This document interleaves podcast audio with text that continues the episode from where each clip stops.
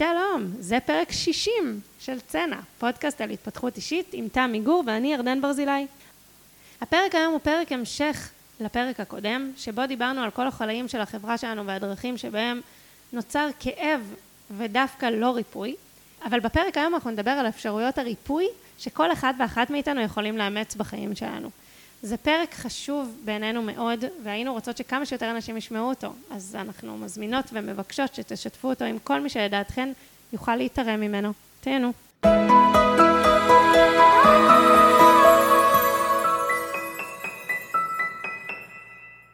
היי תמי. היי ירדן.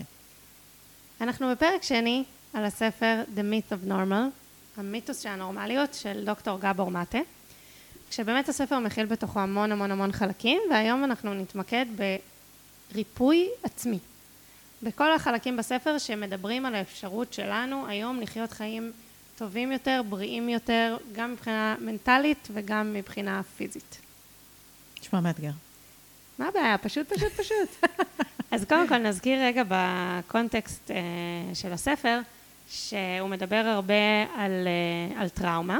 אבל כדי רגע להוריד, אז נגיד שאחת השאלות שהוא מציע בשביל בן אדם לבדוק עם עצמו האם הוא, יש לו טראומה או לא, אה, זה גם אם לא עברת איזה דברים קשים מאוד אה, טפו חמסה, ואת לא תופסת מעצמך בן אדם עם טראומה, אז תשאלי את עצמך, כשהיה לך אה, קשה, או היית עצובה או כועסת, למי יכולת לפנות עם זה?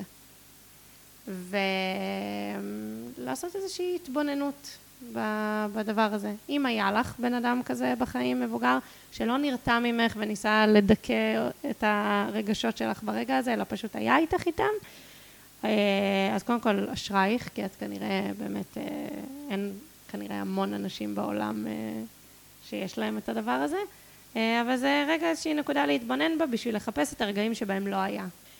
כשהתמונת מראה של זה, זה להתבונן כמה פעמים בחיים שלנו, ביום יום שלנו, אנחנו מרגישות שאנחנו מאוד תגובתיות. כי דיברנו על זה שטראומה היא מקבעת אה, תגובתיות. יש לנו כפתור שלוחץ עלינו של משהו שקרה, גורם לנו ישר להגיב בצורה מסוימת. ככל שיש לנו יותר גמישות, אנחנו כנראה פחות מנוהלות מתוך הטראומה שלנו. זה נורא עצוב מה שאת אמרת, את יודעת? כאילו זה, זה יושב עליי. המחשבה שלרוב האנשים אין כזו דמות. צריך גם לא לחשוב על זה, לדעתי, כאפס או אחד. זאת אומרת, יכול להיות שלרגעים מסוימים היה לך, אבל אם היו הרבה פעמים גם בחיים שלו, אז כן, זה משאיר את החותם שלו. עכשיו, את יודעת, באופן כללי, כל הקריאה של הספר זה מצד אחד, כאילו, להישיר מבט לכל הדרכים שבהם החברה שלנו חושב, אומרת לנו מה נורמלי, כשזה בעצם כל כך לא נורמלי, כן, זה עצוב, נורא. ומצד שני, לא ומצד שני, זה עצוב נורא. וגם, אה, זה מה יש, ו... וזה מה יש, וקצת כמו שדיברנו על זה שכשיש מחלה בגוף, אנחנו יכולות להגיד אוי ואבוי זה נורא ואיום זה לא נעים וזה, ואנחנו יכולות להביא סקרנות ולשאול מה המחלה הזאת באה ללמד אותנו ומה, ומה אנחנו יכולות לשנות באורח חיים שלנו ככה שיהיה בריא יותר, אז קצת אולי אפשר לקחת את הדבר, את הרעיון הזה בהקבלה גם לחברה שלנו. כן, לא, זה היה לי עצוב יותר במישור, קודם כל, עצוב שלאנשים אין את התמיכה הזו. וכאימא, אני חושבת, במישור ההורי, הרי מה היינו רוצים בשביל הילדים שלנו אם לא להיות שם בשבילם? והמחשבה של... אני חושבת שכמעט כל הורה שנשאל, בלי להיכנס לעומק של ההגדרה של זה, היה רוצה להיות שם בשביל הילדים, היה רוצה שהילדים ירגישו שיש להם גב, ש... לא יודעת, אני עובדת הרבה עם הורים, אנשי חינוך, כאילו הרעיון הוא הזמן שהם ידעו שיש להם מעטפת, שיש להם גב, שיש להם לאן לבוא, שיש להם למי לפנות, להיות מבוגר משמעותי, הורה משמעותי. ואנחנו כנראה די קולוסלית נכשלים בזה, כן, וזה כן, נורא עצוב. נכון. אנחנו, הפרק הבא יעסוק בהקשר של הורות ו... והטראומות של החברה שלנו והרעילות שלה. אה, אבל כן, נכון, זה עצוב. לא נפחית מה... כמה שהדבר עצוב. אחת השאלות המעניינות שעולות בספר, וזו שאלה מרתקת מרתקת בעיניי, זה ככה, הרבה פעמים אנשים צומחים ממשבר. הרבה פעמים אנשים עושים שינוי מטורף באורחות חיים שלהם ובתפיסות עולם שלהם אחרי משבר. מחלה נגיד, וממש יש פה פרק שלם בספר שמדבר על מחלה כהזדמנות. מדהים, אחלה. כאילו, מי שמצליח לעשות זה, זה מצד אחד מדהים ומצוין. מצד שני, באמת נשאלת השאלה, האם יש לנו אפשרות לפני המשבר הגדול להתפכח? עכשיו תראי, קורים דברים, יש, אה, אומרים אה, משבר גיל ה-40, ברנה בראון אומרת התפכחות, אני אוהבת את זה מאוד, וואלה, התפכחות. מה קורה שם בדיוק? אה, אולי הילדים גדלים ויוצאים מהבית, או שהם יותר עצמאים ומתפנה איזשהו מרווח זמן, אבל באמת, הרבה פעמים לנשים סביב הגיל ה-40, אצל חלק כזה לפני, יש איזושהי התפכחות כזאת ובאמת עושות שינוי. השאלה היא, האם היום, מי שעכשיו מקשיבים לנו, מקשיבות לנו, האם היום יש לנו מספיק קרקע בשביל לעשות שינוי מהותי באורחות חיים שלנו, כדי גם כבר היום להרגיש טוב יותר, וגם כדי להיות בבריאות מניעתית, זאת אומרת לשמור על עצמנו מפני סכנות של אה, בריאות הגוף והנפש שלנו. אין פה איזו תשובה ברורה, אבל אני, אני כן רוצה להזמין התבוננות, עולות לי שתי מחשבות בהקשר הזה, אני אשמח איזה לשמוע מה את אומרת. אחת, זה וואלה, לכולנו יש את השיט שלנו, אז בואו נמנף אותו. כאילו כבר יש את השיט שלנו, בואו נחפש אותו רגע באופן אקטיבי, את המקומות בחיים שלנו שצורמים, שלא נעימים, שאנחנו סובלות בהם, לא נחכה שהם יביאו אותנו לידי מחלה, אבל כבר עכשיו נשים לב לדברים שלא עובדים, זה יכול להיות עם הילדים, זה יכול להיות בעבודה, זה יכול להיות בזוגיות, נחפש רגע באופן אקטיבי את הצרימה הזאת, את החוסר נעימות הזאת, את הסבל הזה, את הכאב, את ההימנעות, את הבריחה, יכול להיות גם משהו עם עצמנו, כן? ונהפוך אותם רגע להיות תמרור בשבילנו אה, כזה איתור, לרגע של התעוררות. אה, זאת שאלה אחת. והדבר השני שמעניין אותי זה כמה הידע, כאילו עכשיו שאנחנו מדברות על זה ונקרא על זה ונבין מה זה טראומה ונבין איך זה מנהל אותנו ומה זה עושה לנו בחיים, כמה הידע הזה הוא יכול להתרגם לבאמת שינוי אה, משמעותי באורחות חיים ותפיסות. זה קשה. מה? תראי, שינוי הוא הרי לא רק הבנה או תפיסה או עמדה. יש לנו המון דברים שאנחנו היינו רוצות כבר לשנות. בסדר? לכל אחת ואחד יש דברים שהיינו רוצים לשנות. או שאנחנו מסכימים איתם אה, ורוצים לשנות. כדי לעשות שינוי צריך עוד הרבה גורמים. זה לא, או נדיר שזה רק כי אני מסכימה. אה, מתפיסת המסוגלות שאנחנו דיברנו עליה כבר הרבה פעמים, אה, דרך סביבה תומכת, דרך להבין מה היו המחירים של זה. האם אני, גם האם זה מחירים שאפשר לעמוד בהם, וגם האם זה מחירים שאני חושבת שאני יכולה לעמוד בהם. בגלל זה הרבה פעמים יש מרחק מאוד גדול בין ההבנה או הרצון לבין העשייה. הרבה פעמים יש לנו נטייה להגיד, אה, טוב, אם זה לא יתממש, אז כנראה לא כל כך רצינו את זה. וזה לא נכון, אנחנו יכולים מאוד לרצות דברים ומאוד מאוד להתקשות אה, לממש אותם או לממש אותם בהתמדה. זהו, אז פה, פה אני באמת אה, שואלת את עצמי, אני אתן דוגמה רגע, אני נגיד, זה ברור לי שאני אהיה טבעונית מתישהו, או לפחות שאני אעשה שינוי תזונתי מאוד מאוד משמעותי. ו... וזה לוקח לי זמן, והייתי כבר אה, שנתיים צמחונית, וחזרתי לפני שנה לאכול בשר, ו...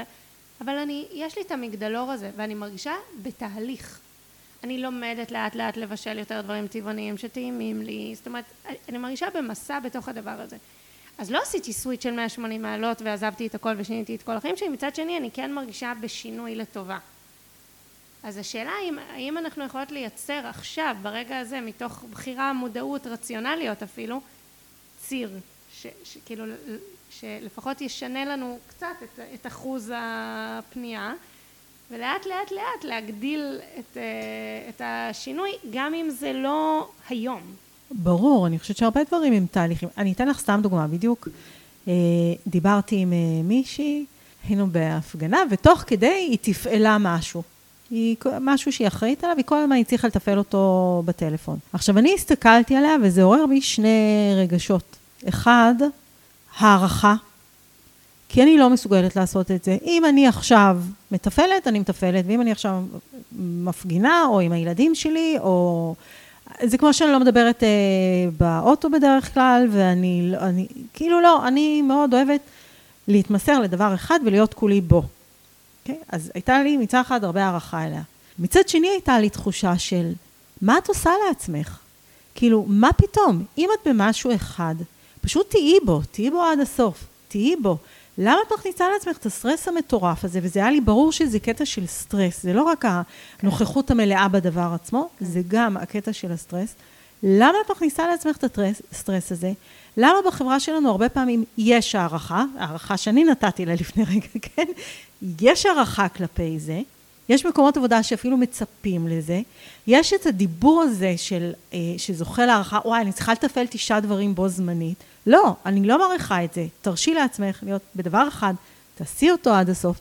ואני אגיד, לפעמים בעבודה אפילו אני פוגשת את זה שנניח אנחנו עושים שלוש פגישות עם אה, לקוחה, לקוחה על אותו דבר, כי במקום להגיד, אוקיי, אני באה לפגישה הזו, כמה זמן שזה ייקח, כי זה יהיה תהליך וזה יתפתח וזה זה, ואני כולי בתוך זה, ו, ואז כזה יש סטרס, כי כל דבר זה, אה, יש לנו שעה לזה, אחרי זה צריך למצוא זמן לחזור לזה.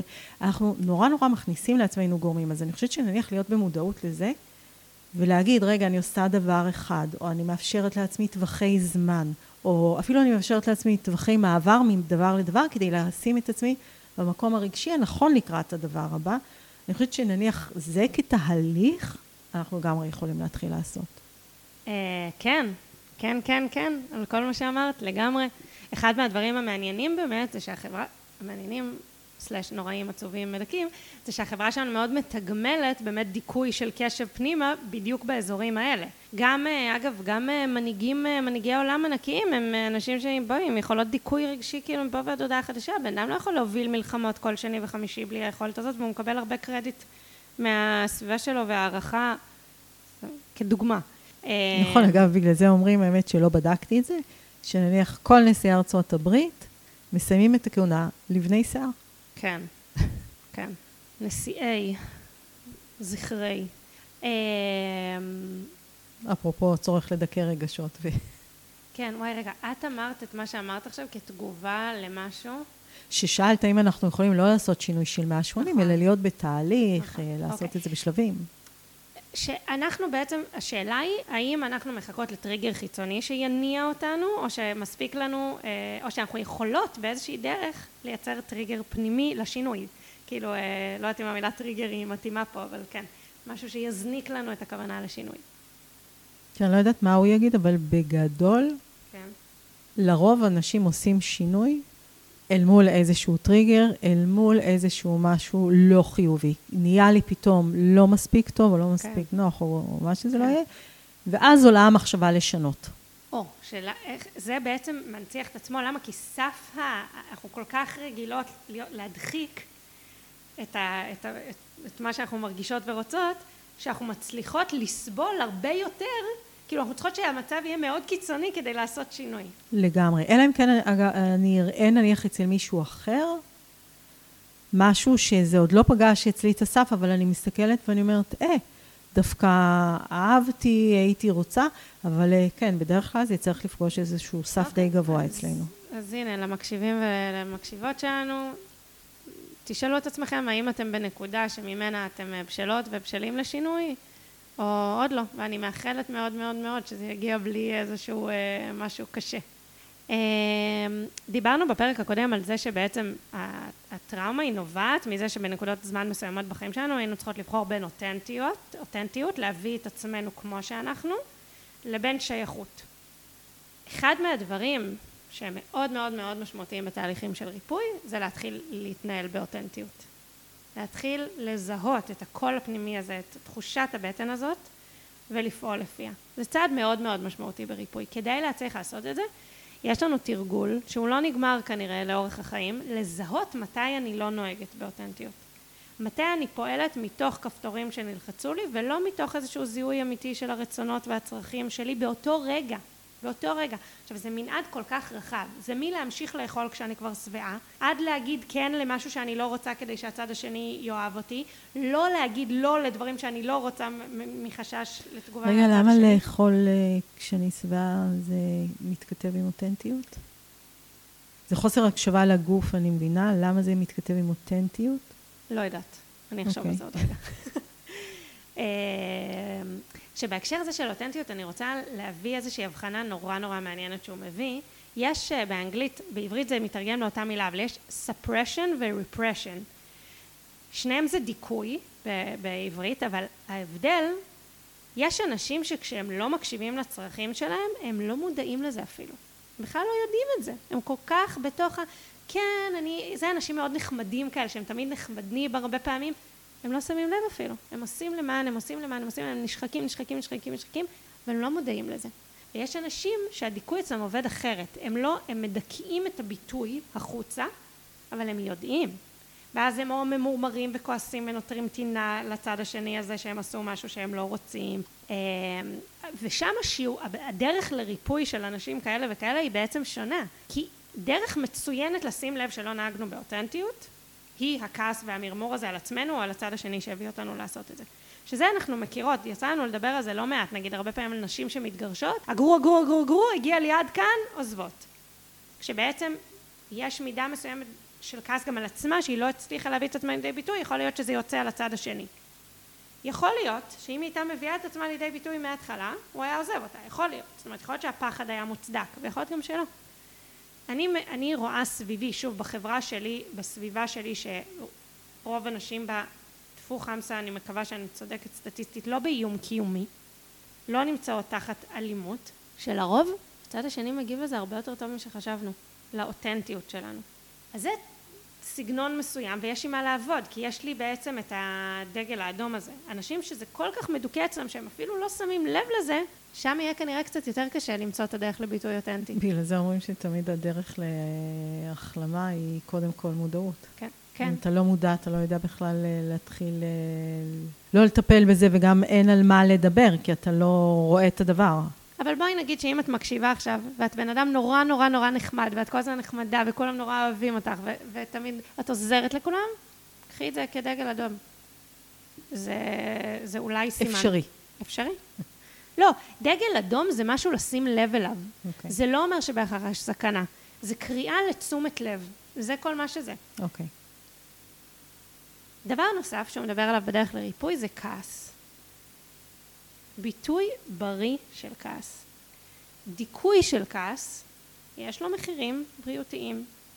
יש על זה טונות של מחקר. נכון. מצד שני, זעם מתמיד, גם לו לא יש מחירים בריאותיים. האם את היום מבטאת כעס בחיים שלך? באיזה צורה את עושה את זה? האם את עושה את זה באופן שהוא מגן עלייך או פוגעני כלפייך? יכול להיות שאת מבטאת זעם וזה חלילה שאת פוגעת בעצמך שגם שם המנעד הוא נורא נורא רחב. גם להמשיך לאכול עוד ועוד ועוד ועוד כשאני אה, לא רעבה, זה פגיעה בעצמי. זה ביטוי של פגיעה בעצמי. ביטוי של שנאה שלי כלפי עצמי, כעס שלי כלפי עצמי, שוב, על המנעד, על הסקאלה, זה לא אני אוהבת את עצמי או אני שונאת את עצמי. לא, זה תחושה שאני ראויה לחיות בגוף בריא, שאני ראויה לדאוג לעצמי, שאני ראויה לעשות ספורט כי זה טוב לי וזה מיטיב איתי. שאני ראויה לפנות את הזמן בשביל זה, בשביל לבשל לעצמי ארוחה בריאה, שזה לא בדיוק המסרים שהתרבות שלנו מעבירה לנו. למה? קודם כל אני זהירה מלהגיד שהאכילה כפייתית היא יושבת דווקא על זה, אני לא מספיק מבינה בזה. מה זה על זה? על התחושה של אה, לא מגיע לי, אני לא ראויה. לא, אה, זה גם יכול להיות בריחה, זה יכול להיות משהו לעשות. בריחה, פיצוי על דברים, כן, אה, דרך לתגמל את עצמי בצורות מסוימות. אני אומרת, אני לא מספיק מבינה, אני חושבת שיש לזה כמה גורמים, אבל למה זה מתקשר אצלך לתחושת חוסר, אני לא ראויה? למה בעצם אנחנו עושות דברים לעצמנו שהם פוגעים בנו, סלש לא עושות דברים שטובים לנו?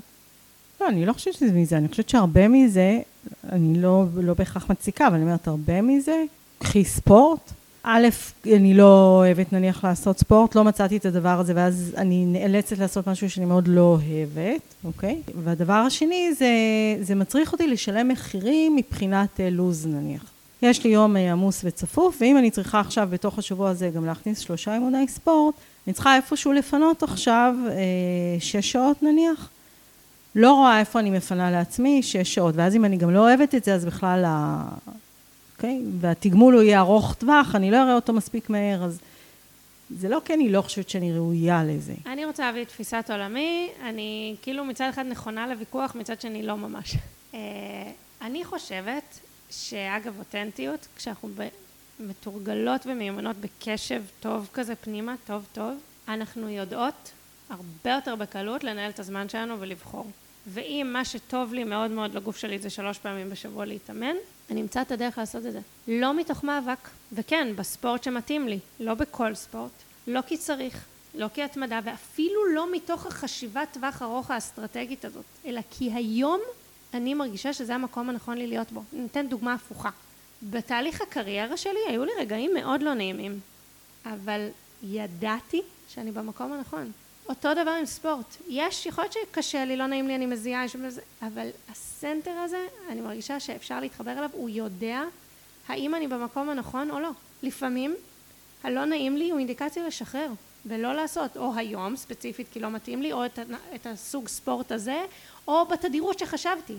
ולפעמים, אני טוענת, מה שאני טוענת זה שכל השיח על התמדה ומשמעת וצריך וזה, הוא רק כי יש לנו את הקהות הזאת של הטשטוש של הניתוק מעצמנו עם הקושי לזהות את הסנטר הפנימי הזה שאני מרגישה שלא יש תשובות.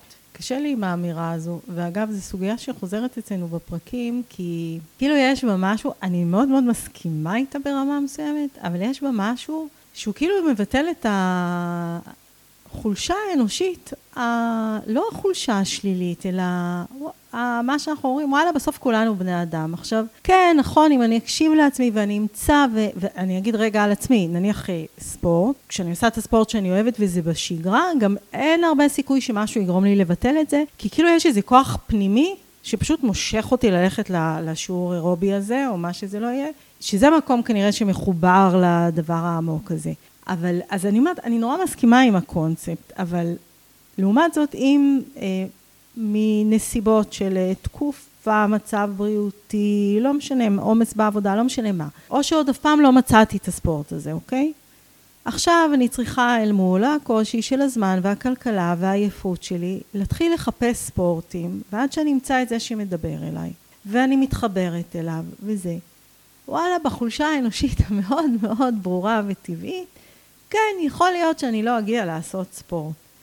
אז יש משהו בכל התחום של התפתחות אישית אגב, ובעיקר בנושאים האלה של המאוד חיבור לעצמי, מאוד לקחת על עצמי את האחריות לבריאות, לתיקון, לשליטה בלידה, לזה, שאני לא לא מסכימה איתו, אני רק אומרת, וואו, איזה אנשים אנחנו צריכים להיות בשביל להצליח לעשות את זה כל הזמן.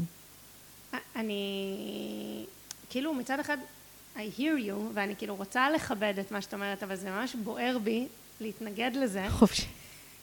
כי אני מאמינה, ואני, זה לא שאני לא נכונה להתבדות, כן? אני, בסדר, אבל דווקא כל מה שאני קוראת דווקא מחזק את מה שזה, אבל בסדר, אני גם בוחרת את מה שאני קוראת, אז אוקיי.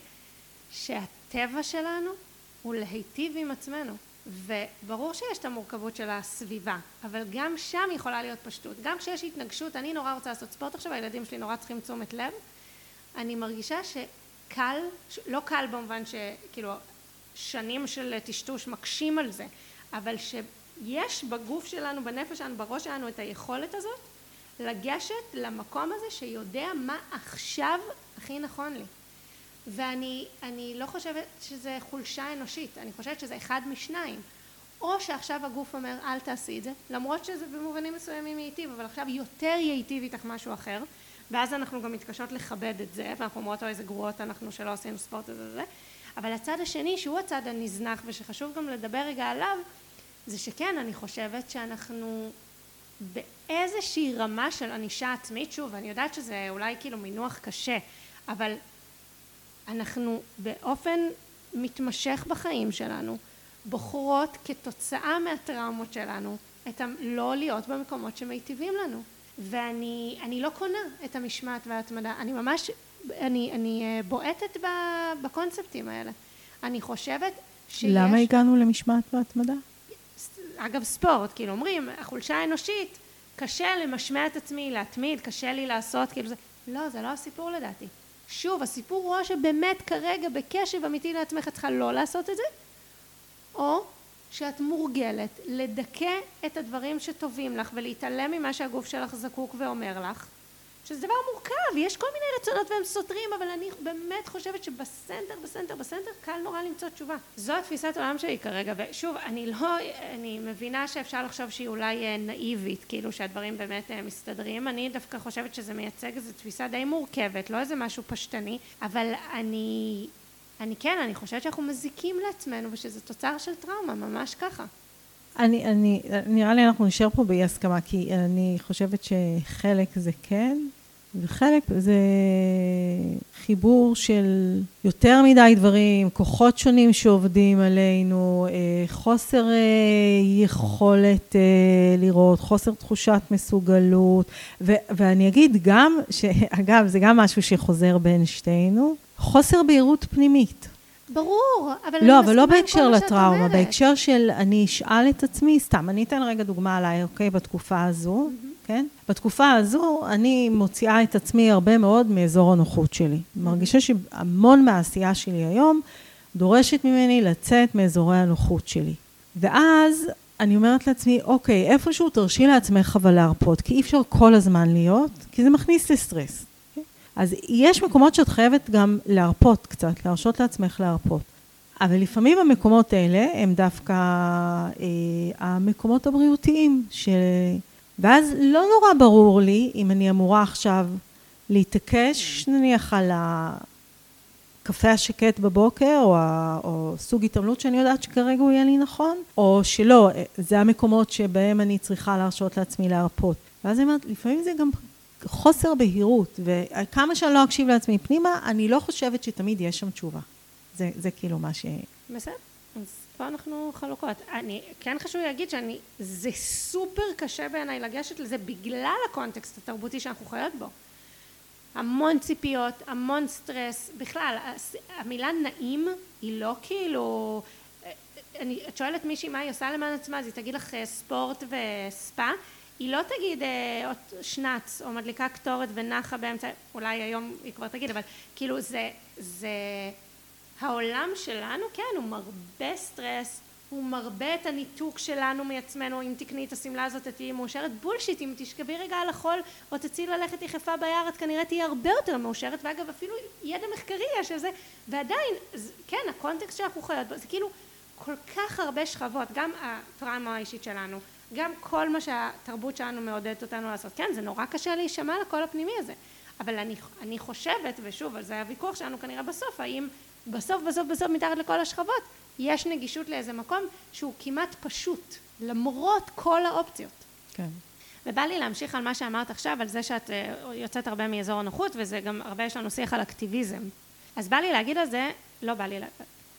אני אגיד על זה שהוא מדבר על משהו שנקרא advocacy, שזה בעברית הגנה, סנגוריה או תמיכה ברעיון, אבל בעצם מה שעומד מאחורי זה, זה קשור מאוד לתחושת מסוגלות, זה, זה היכולת שלנו לקחת אחריות על החיים שלנו, להשמיע קול, לקדם את הדברים שחשובים לנו גם ברמה האישית וגם ברמה החברתית, אה, שזה עוד צעד בדרך לתיקון, שזה כאילו מצד אחד מדהים, מצד שני, אוקיי, איך עושים את זה?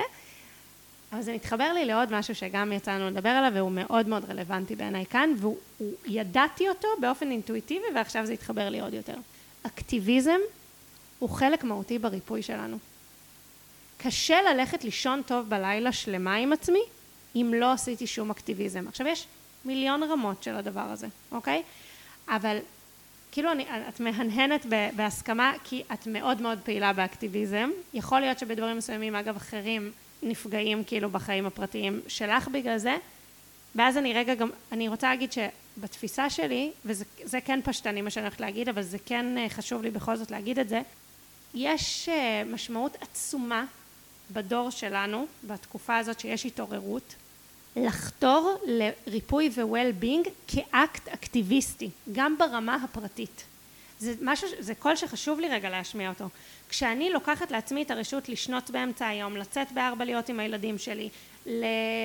אמ, לעצור הכל ולצאת לטבע או אין ספור, לא להקשיב לחדשות או לא לצרוך חדשות חברתיות, כל הדברים האלה בעיניי הם אקטיביזם, אבל זה לא סותר את זה שיש צורך גם להשמיע קול עבור אוכלוסיות מוחלשות מאיתנו, לפעול לקדם ערכים שחשובים לנו, וכל בן אדם שלא עושה את זה, הוא לא יצליח לי להגיע לריפוי. זה דבר, זה חלק חשוב מהפאזל. הוא מדבר על ארבעה A, אותנטיות, אותנטיסיטי, advocacy, שהדבר הזה של לקיחת אחריות שדיברנו עליו, anger, שזה ביטוי בריא של הכעס, והאחרון שהוא מדבר עליו זה acceptance, שזה קבלה רדיקלית של המציאות של חיי כמו שהיא וממנה לצאת. ובסוף בסוף בסוף הוא מוסיף גם אה, אקטיביזם שזה עוד A. לא לא לא, בעיניי זו טעות. אקטיביזם הוא צריך להיות בחמישייה הזאת המהותית, אי אפשר להפריד את זה.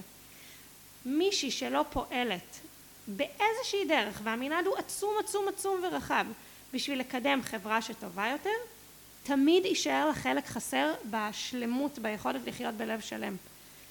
זה, זה משהו, כמו שאת שומעת, זה, זה בוער בי להשמיע את הקול הזה, את האקטיביזם הפרטי והציבורי כחלקים משלימים בריפוי שלנו. אני מאוד מסכימה, כי אני חושבת שאחרת, איפשהו בפנים יש לנו רגשות אשם. בדיוק. כי אם כבר זיהיתי שמשהו לא בסדר ואני לא עושה שום דבר, בדיוק. יש לי רגשות אשם עליו. בדיוק. פנימה והחוצה, לגמרי. והעשייה, גם אם היא עוד לא מצליחה ועוד לא מניבה תוצאות, היא מעצימה תחושת מסוגלות, היא מעצימה תחושת ערכיות, היא נותנת תקווה, שלא לדבר גם כמובן על המפגש עם אחרים שחושבים, כאילו זה גם חושף אותי לדברים הטובים ולאנשים הטובים שקורים בהקשר הזה ש, שמציק לי. נכון, ויותר מכל זה, אני פשוט יכולה לישון טוב בלילה, כי אני יודעת שאני את שלי עשיתי, וזה דבר נורא נורא משמעותי, ו... אוקיי, אז בהקשר של האקטיביזם אנחנו מסכימות. אז דיברנו על החמישה A, והתחלנו לגעת בעצם באיך נזהה שאנחנו לא אותנטיות ונעשה את הצעדים לקראת זה, ונביא עוד שני דברים. אני יכולה רגע לעצור אותך, כי פתאום עולה לי משהו שכאילו דיברנו עליו אה, לך הרבה זמן, אני לא יודעת איפה זה עומד אצלך היום. מאוד הפריע לך אקטיביזם שהוא נובע מכעס. כן. אולי על זה... את רואה את זה אותו דבר היום? כן, אני רואה את זה בדיוק אותו דבר. כן. למרות ש... כאילו, משהו בגישה שלו לזה של לתת מקום לכעס, לא, לא, לא עושה לך חיבור קצת אחר? רגע, רגע, צריך לבטא את הכעס. זה, אני לא, אני, זה מקום שטעיתי בו, כאילו, הרבה זמן. אני חושבת שזה חשוב, אבל אני חושבת שהאקטיביזם הוא לא צריך לנבוע מהמקום הזה, ואם אנחנו מסתכלות שוב על הפרטי והציבורי רגע כמו מראות כאלה שיקופים, אז אוקיי, אז יש מחלה, נכון? היא לא נעימה, היא מקשה, ואם אנחנו לא נהיה בקבלה רדיקלית שלה ונגיד זה מה יש, אוקיי, and now what, אלא נתנגד לה, זה לא יעזור לנו. אז אותו דבר על המחלות של החברה, קבלה רדיקלית, זה מה שיש. וגם בעיניי חוסר, בעיניי שיפוטיות פשוט היא מחלה, וכעס הוא תמיד שיפוטי. אז להעצים עוד יותר את, ה, את השיפוטיות, אני לא בעד זה. אני כן בעד להציב את הגבול ולהגיד זה מתאים לי, זה לא מתאים לי. אבל לשפוט, אנחנו עולה לי הרבה פעמים באמת בהקשר של הטבעונות, כי נורא נורא נורא ברור לי למה להיות טבעונית. נורא ברור לי שתעשיית הבשר והגבינות היא תעשייה מתעללת וקשה ונוראית, ואגב, זה גורם לאנשים לא לישון טוב בלילה. בכנות, כאילו מתחת לכל השכבות. אז אני עושה דברים היום שלא, שגורמים לי לא לישון טוב בלילה, עדיין, אבל אני מנסה להיות פחות קשה עם עצמי, אני תוצר של התרבות וההקשר שחייתי בו, ואני במסע לעבר לעשות כמה שפחות מהדברים שאני לא שלמה איתם וכמה שיותר דברים שאני שלמה איתם. אני במסע. והמסע הזה הוא, הוא, הוא ככל הנראה יימשך כל החיים. יכול להיות שבתקופות מסוימות וכבר עכשיו זה יהיה קל יותר וזה ינבע ממני באופן טבעי יותר וזה יהיה פחות מאבק. אבל גדלנו בהקשר מסוים עם תפיסות תרבותיות מסוימות שהן לא טובות לנפש שלנו אז יש לנו מסע של ריפוי של החיים וכעס, לפעול, להיות באקטיביזם מתוך כעס, לא, בעיניי זה, זה, לא, זה לא בריא. לא, השאלה אם הכעס הוא הטריגר לאקטיביזם, או שהאקטיביזם... טוב, אני... בסדר, okay. אוקיי. נשארנו. כי אני אומרת, א', אני... דיברנו על מה מניע אנשים לשינוי, זה חוסר שביעות רצון, אז okay. אוקיי. כעס הוא סוג של חוסר שביעות רצון. אסור שההתנהלות בתוך האקטיביזם יעל מהכעס, כי אז גם היא לא תהיה טובה ומועילה.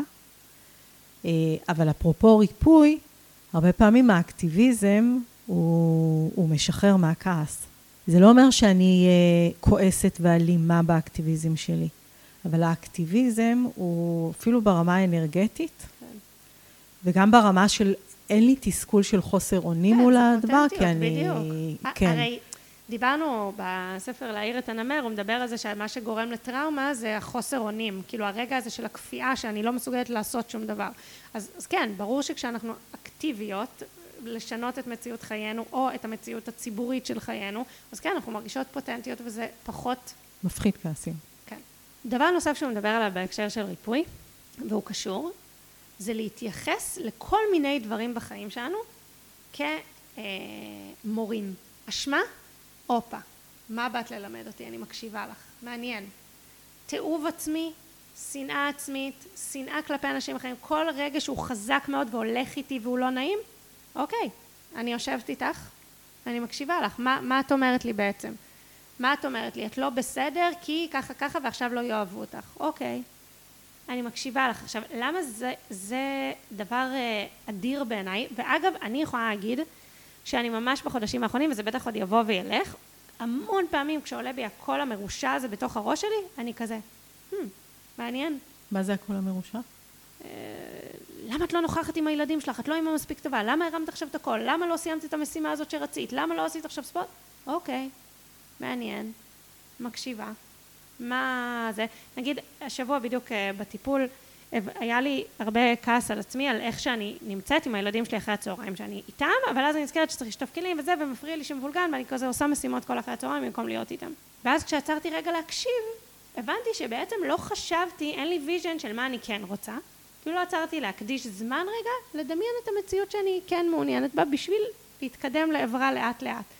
וזה ממש שחרר לי רגע איזה משהו במקום כזה לכעוס על עצמי ולשקוע בתוך הדבר הזה להגיד אוקיי רגע על מה את כועסת בוא נקשיב לך, כאילו, מין משהו כזה. אז אמרתי לך שהוא אומר שמחלה יכולה להיות כזה רמזור אדום, אבל בואו נחפש את הרמזורים האדומים, אה, דגלים אדומים הקטנים האלה, שוב, מקומות להפנות אליהם את הקשב.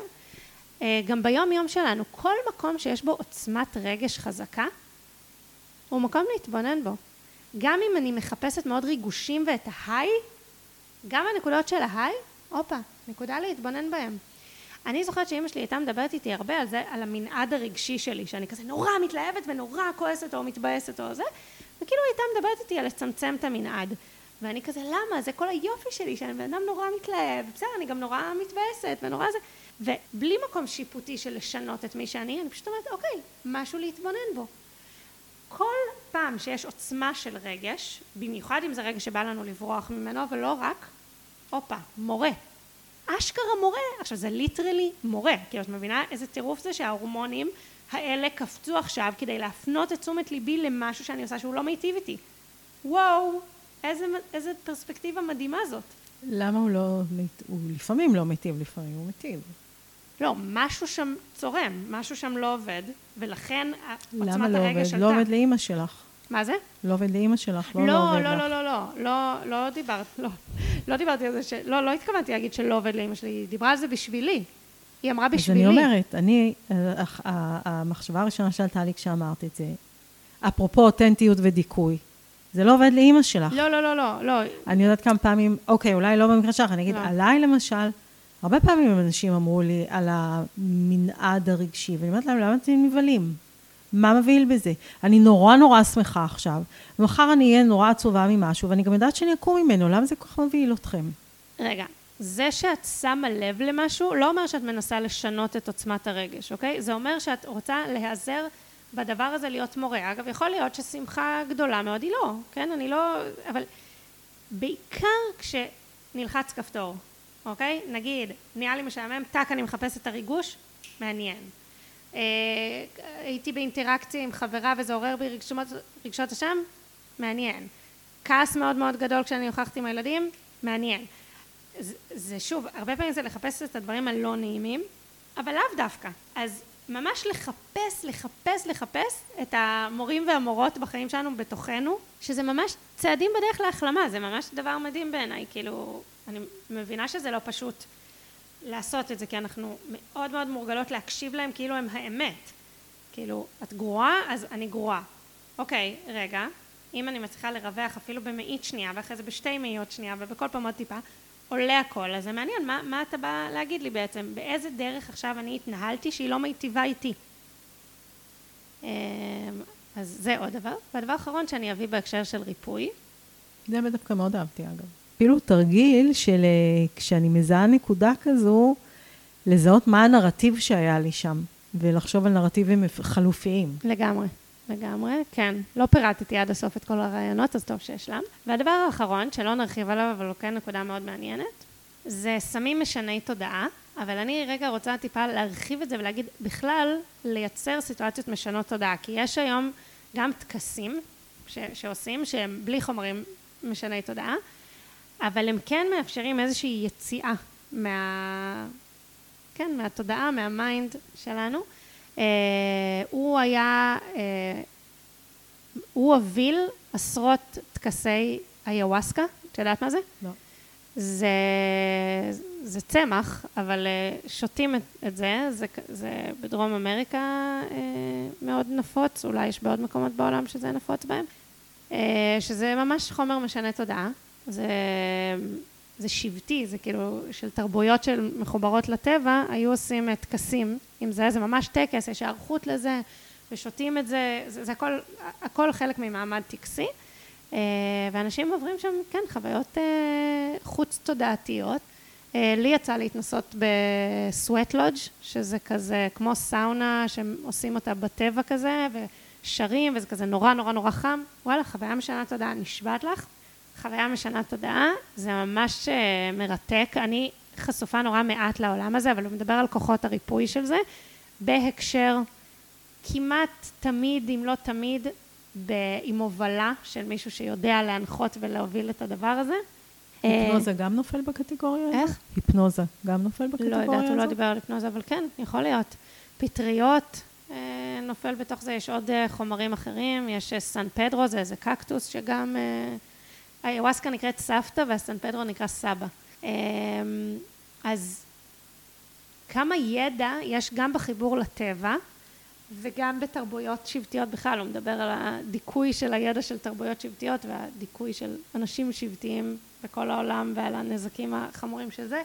אז זה ככה נקודה המחשבה, יש ספר שנקרא How to Change Your Mind של מייקל פולן, שהוא חקר את ההשפעות התרפויטיות של סמים משני תודעה, מטפלים בזה בפוסט טראומה עם MDMA, עושים דברים מדהימים.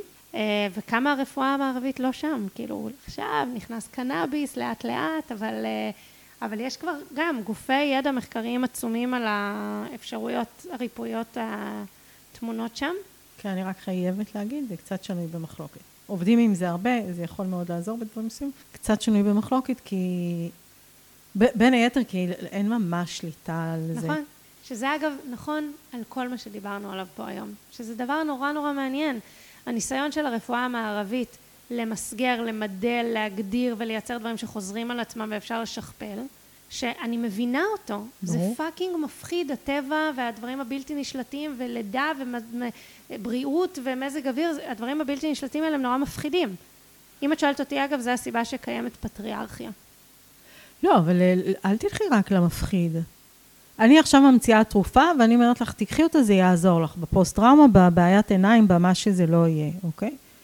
וואלה, אני לוקחת על עצמי חתיכת אחריות, ובלי לבקש ממני לבדוק מה תופעות הלוואי האפשריות, ובכמה אחוז מהמקרים זה באמת עובד. זה, כן, יש בזה משהו שהוא לא רק חוסר מוכנות לקבל את חוסר השליטה שלנו על הטבע, אלא שהוא להפך, הוא אומר, רגע, שנייה, קחו אחריות. עכשיו, כשאת הולכת לכל מיני דברים אלטרנטיביים, למשל היום, את הרבה יותר בידיעה מראש של חוסר המחויבות. לא כי הם לא מחויבים, אלא של כאילו, כמו שאמרתי נניח על הומאופתיה, אוקיי? כשאת הולכת לקבל טיפול הומאופתי, את יודעת שיש שם משהו שהוא לא, אה, הוא לא ההליך המדעי הרגיל במובן הזה של א', נותנים את זה ולב' נותנים את זה. ואז את גם מוכנה לקבל את טווח הטעויות. בסדר? כאילו, כאילו מצד אחד, יש אוקיי, קבלה נכון. מצד, מצד החולה. שני, לא חסרים סיפורים זוועתיים ואיומים ובקנה מידה עצום, של דברים שאושרו על ידי הרפואה המערבית, למשל, כל תופעת האופיאטים, משככי הכאבים של התמכרויות ונזקים באמת שקשה לתאר והכל אושר ופורמלי ורשמי ונחקר ונבדק. לא חסרים סיפורים, באמת, מפה ועד הודעה חדשה של דברים שאושרו ואחרי כמה שנים גילה שהם מסרטנים. זה, זה דברים... עדיין, האחוזים הם אה, יותר קטנים מאשר אם לא היינו דורשים שום תהליכי בדיקה וזה תרופתיים. אני לא יודעת. אני פשוט אומרת, כאילו... אצל מי האחריות? זו שאלה, ש... זו סוגיה שדיברנו עליה הרבה. לא, אז הנה, אז אני אומרת, האחריות... האחריות... מנסה להגיד, האחריות עליי. לא, להפך, אני אומרת, האחריות היא כמובן על מי שנותן או זה, אבל להפך אני אומרת, האחריות היא גם כי אני, זה, זה מה שאמרתי קודם, כשאני הולכת לטיפול הומאופתי, אין לי גם ציפייה של הצלחה אחד לאחד, וזה חלק מהאחריות שאני לוקחת כשאני בוחרת כ, כמטופלת ללכת לשם, וזה בסדר. נכון, אבל להפך, אני אומרת לא, האחריות היא, היום מערכת הבריאות מתנהגת כאילו האחריות עליה, בעוד שזה ברור שריפוי והחלמה הם לא אפשריים בלי שיתוף פעולה. ובכלל, התפיסה הזאת של אני אושיע, היא עושה המון המון המון נזקים גם. היא כן. לא מייצרת יותר בריאות. בואי, קראתי אתמול מחקר שהשנה מתו 7,600 איש מזיהומים שניתן היה למנוע בבתי חולים. זה לא שאני באה להאשים מישהו ספציפי בדבר הזה, אבל מערכת הבריאות היא לא מייצרת בריאות, היא מייצרת נזקים עצומים, והיא מצליחה להאריך חיים. האם זאת בריאות? אוקיי, זהו, רציתי להגיד, עכשיו אוקיי, נכנס. לטווח של בואי נגדיר מה זה בריאות, כי בעובדה, מחלות מסוימות נעלמו, אורח חיים עלה. אני מסכימה איתך שזה לא בהכרח ההגדרה לבריאות. אוקיי. אה, זהו, אז סוגיית האחריות, נשאר איתה כי היא סוגיה מאוד מאוד משמעותית, אגב, בשאלות של ריפוי. תודה, תמי. תודה.